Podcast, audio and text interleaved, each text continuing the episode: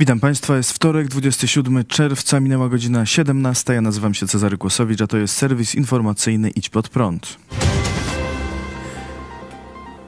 Dziś na posiedzeniu rządu działy się nietypowe rzeczy. Najpierw miejsca ministrów zajęły dzieci.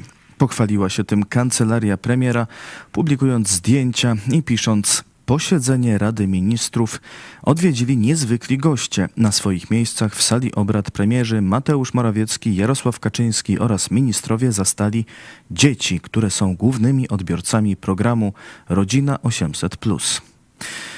Potem jednak dzieci sobie poszły, a swoje miejsca zajęli ministrowie i premier, a właściwie premierzy, bo w miejscu, gdzie zwykle siedzi tylko premier, zasiadły dwie osoby. Premier Mateusz Morawiecki i wicepremier Jarosław Kaczyński. Zdjęcie z posiedzenia rządu obiegło dziś media. Internauci dopytują, kto w końcu jest premierem. Zwracają uwagę, że we wpisie na koncie Prawa i Sprawiedliwości to Jarosław Kaczyński jest wymieniony jako pierwszy. Dzisiejsze posiedzenie Rady Ministrów pod przewodnictwem premiera, prezesa PiS Jarosława Kaczyńskiego oraz premiera Mateusza Morawieckiego napisano w poście PiSu ze zdjęciami z posiedzenia rządu. Sprawę skomentował na Twitterze były premier Leszek Miller. Kiedy zacząłem pełnić urząd prezesa Rady Ministrów, salę posiedzeń rządu ustanowiłem w miejscu, w którym obrady odbywają się do dziś. Nigdy jednak na miejscu premiera nie było dwóch osób. Może to jakiś żart. Jacek Rostowski, były wiceminister finans, były minister finansów, stwierdził, nigdy nie było tak, by wicepremier siedział obok premiera u głowy stołu rządowego. Zawsze wicepremier lub wicepremierzy siedzieli razem z innymi ministrami, choć najbliżej premiera, który siedzi sam u głowy stołu. Posłanka Barbara Nowacka napisała krótko marionetka i marionetkarz, a posłanka Katarzyna Lubnauer no i Morawiecki został współpremierem. Tak ośmieszyć własnego premiera to potrafi tylko Kaczyński. A na dzisiejszym posiedzeniu rząd przyjął m.in. projekt ustawy o podniesieniu świadczenia 500 plus do 800 zł. Minister rodziny Marlena Maląg powiedziała: Siła jest w rodzinie. Możemy sobie pozwolić na zwiększenie programu na 800 plus, bo jesteśmy silną formacją. Premier Mateusz Morawiecki na wiec partyjny poleciał rządowym samolotem, donosi onet.pl. W sobotę w Bogatyni odbyła się przedwyborcza konwencja Zjednoczonej Prawicy. Brali w niej udział liderzy i działacze PiS, suwerennej Polski i republikanów. Obecny był też premier Mateusz Morawiecki i wielu ministrów. Jak donoszą dziennikarze Onetu, pomimo że wizyta w Bogatyni nie była związana z wykonywaniem funkcji premiera, Mateusz Morawiecki skorzystał z rządowego samolotu. Ponadto według dziennikarzy rządowy Embraer, który ma kilkadziesiąt miejsc, przewoził w tej podróży tylko czterech pasażerów. Kancelaria premiera nie odpowiedziała na pytania dziennikarzy o ten lot. Następnego dnia premier już z oficjalnie służbową wizytą był w Białymstoku oraz w Krynkach przy granicy z Białorusią. Tam wybrał się samochodem z obstawą. Niestety przejazd kolumny rządowej skutkował wypadkiem, w którym poważnie ucierpiało dwóch policjantów z obstawy premiera. Samochód cywilny zderzył się czołowo z jednym z pojazdów kolumny rządowej. Jak opisywał inspektor Mariusz Ciarka, rzecznik prasowy komendanta głównego policji, opierając się na relacji świadków, inny pojazd jadący przed Mazdą miał zjechać do prawej krawędzi jezdni. Kierująca Mazdą nie zatrzymała się za nim, nie zwolniła, nie zjechała też do prawej strony, a chciała ten pojazd ominąć, co spowodowało, że znalazła się na przeciwległym pasie ruchu i uderzyła w radiowóz. Policja podała, że jeden z policjantów ze złamaniami miednicy i żeber przetransportowany został do szpitala przez lotnicze pogotowie ratunkowe, natomiast drugi przewieziony do szpitala.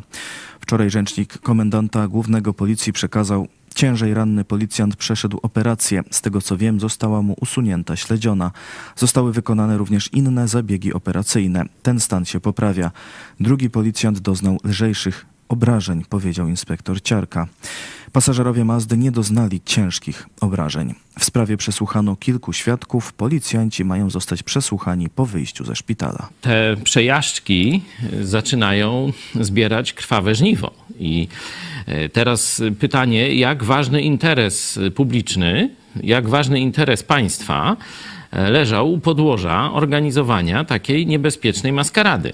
No ale widzisz czy, tutaj... czy wiemy, jak ratował nie wiem, odcinek frontu zagrożony, nie? I tam własną piersią Morawiecki, czy raczej e, to była jakaś kampanijna zagrywka, jakaś focia e, i jedziemy dalej. Rozumiem, że jest potrzeba, no gdzieś tam jakieś misje wojskowe, nasze służby tam gdzieś biorą udział, no i biorą swoje pojazdy, no i wtedy muszą ten konwój przeprowadzić, e, ale jeżdżenie z jakimś, jakimś tam politykiem, żeby on se zrobił focie i narażenia, narażenie życia, powiedzmy kilkudziesięciu funkcjonariuszy, narażanie życia Polaków w ramach jakiejś kampanii wyborczej, e, czy zrobienia sobie jakiegoś, e, jakiego, jakiejś foci, to zaczyna wkurzać Polaków, bo to jest już kompletna taka, taka patologia, taka, e, takie mam cię w dupie, władza mówi do obywatela.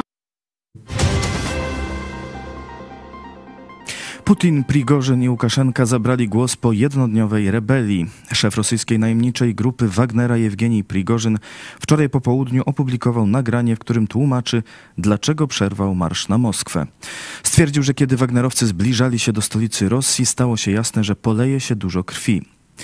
Poczuliśmy więc, że wystarczy zademonstrować, co chcemy zrobić powiedział e, Prigorzyn. Podkreślił też, że marsz miał na celu uniknięcie likwidacji grupy Wagnera.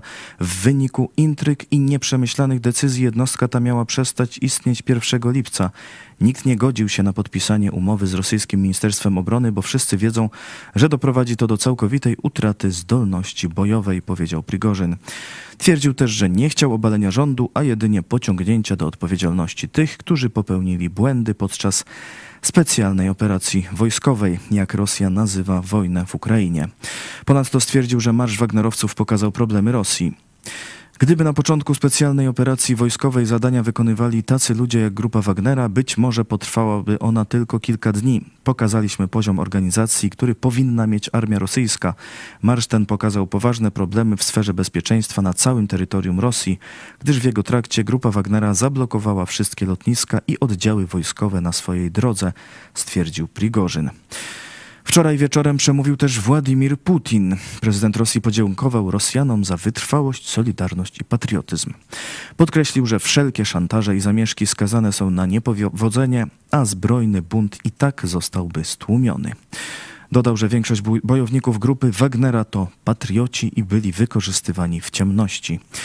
Podziękował najemnikom grupy Wagnera, którzy zatrzymali się na ostatniej linii i nie poszli na rozlew krwi i zaproponował im podpisanie kontraktu z Ministerstwem Obrony lub wyjazd na Białoruś albo powrót do domów. Podziękował też prezydentowi Białorusi Aleksandrowi Łukaszence za wkład w rozwiązanie sytuacji.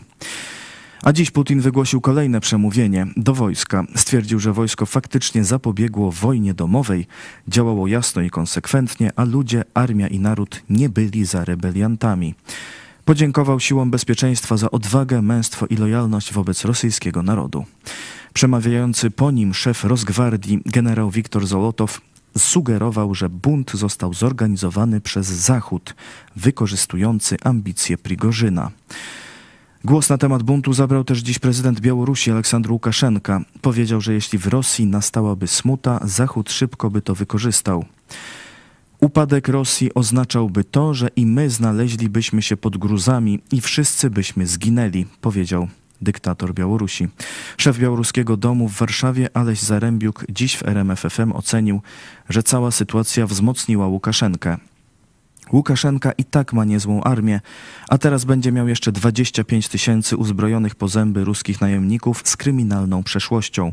To duży problem dla białoruskiej opozycji. Jakakolwiek potencjalna rewolucja może być porażką. Ludzie wyjdą, a Łukaszenka wypuści 25 tysięcy uzbrojonych psów wagnerowców, którzy są barbarzyńcami i będą zabijać ludzi. Będą robić rzeczy, których jeszcze na ulicach nie widzieliśmy, powiedział białoruski opozycjonista. Ukraina odbiła teren okupowany przez Rosję od 2014 roku. Brytyjskie Ministerstwo Obrony w codziennym raporcie wywiadowczym podało, że ukraińskie siły powietrzno-desantowe poczyniły niewielkie postępy na wschód od miejscowości Krasnohorivka, niedaleko Doniecka. To jeden z pierwszych takich przypadków od czasu pełnoskalowej rosyjskiej inwazji, że siły ukraińskie odbiły terytorium okupowane przez Rosję od 2014 roku, podało brytyjskie ministerstwo. Dziś rano rzecznik Sztabu Generalnego Ukraińskich Sił Zbrojnych Andrii Kowalow przekazał, że armia ukraińska posuwa się na kilku kierunkach na południu i wschodzie melitopolskim, berdiańskim i bachmuckim. Premier komunistycznych Chin spotkał się z prezydentem Francji Emmanuelem Macronem. Li Qiang w ubiegłym tygodniu przyleciał do Europy. Pierwszą wizytę złożył w Niemczech, skąd udał się do Francji. We, w czwartek spotkał się w Paryżu z Emmanuelem Macronem. Chiński premier wskazywał, że przybył do Francji, by pogłębić rozmowy o zwiększeniu współpracy francusko-chińskiej oraz by wdrożyć ważne porozumienie, o którym wcześniej rozmawiali przywódca komunistycznych Chin Xi Jinping i prezydent Macron. Li Qiang zachęcał francuskie firmy do robienia interesów z Chinami i podkreślał, że ich rząd zachęca też chińskie biznesy do inwestowania we Francji. Ocenił, że Francja i Chiny, dwa z krajów będących stałymi członkami Rady Bezpieczeństwa ONZ, mają wspólny strategiczny pogląd i ogólną perspektywę. Premier państwa, które wspiera Rosję w wojnie przeciwko Ukrainie, przekonywał, że jego kraj chce wspólnego reagowania na globalne wyzwania oraz promowania pokoju i stabilności na świecie. Prezydent Macron mówił o dużym znaczeniu, jakie mają dla Francji relacje z Chinami. Zapewnił też o przestrzeganiu tzw. Tak polityki jednych Chin, co w praktyce oznacza nieuznawanie Tajwanu za państwo. Macron wyraził też przekonanie, że Francja i Chiny powinny popierać politykę multilateralizmu i promować jedność społeczności międzynarodowej, a także pracować nad poprawą globalnego zarządzania i promować rozwiązywanie globalnych problemów. Prezydent Francji zwrócił się do Licianga o przekazanie jego szczerych pozdrowień i podziękowań Xi Jinpingowi, przywódcy komunistycznego reżimu, który rządzi Chinami. To wszystko w tym wydaniu serwisu. Dziękuję Państwu za uwagę. Kolejny serwis jutro o 17. A jeszcze dziś w telewizji Idź pod prąd o godzinie 18. Joe Łosiak w The Moody Church w Chicago. Jeszcze nie skończyliśmy. Zapraszam. Do zobaczenia.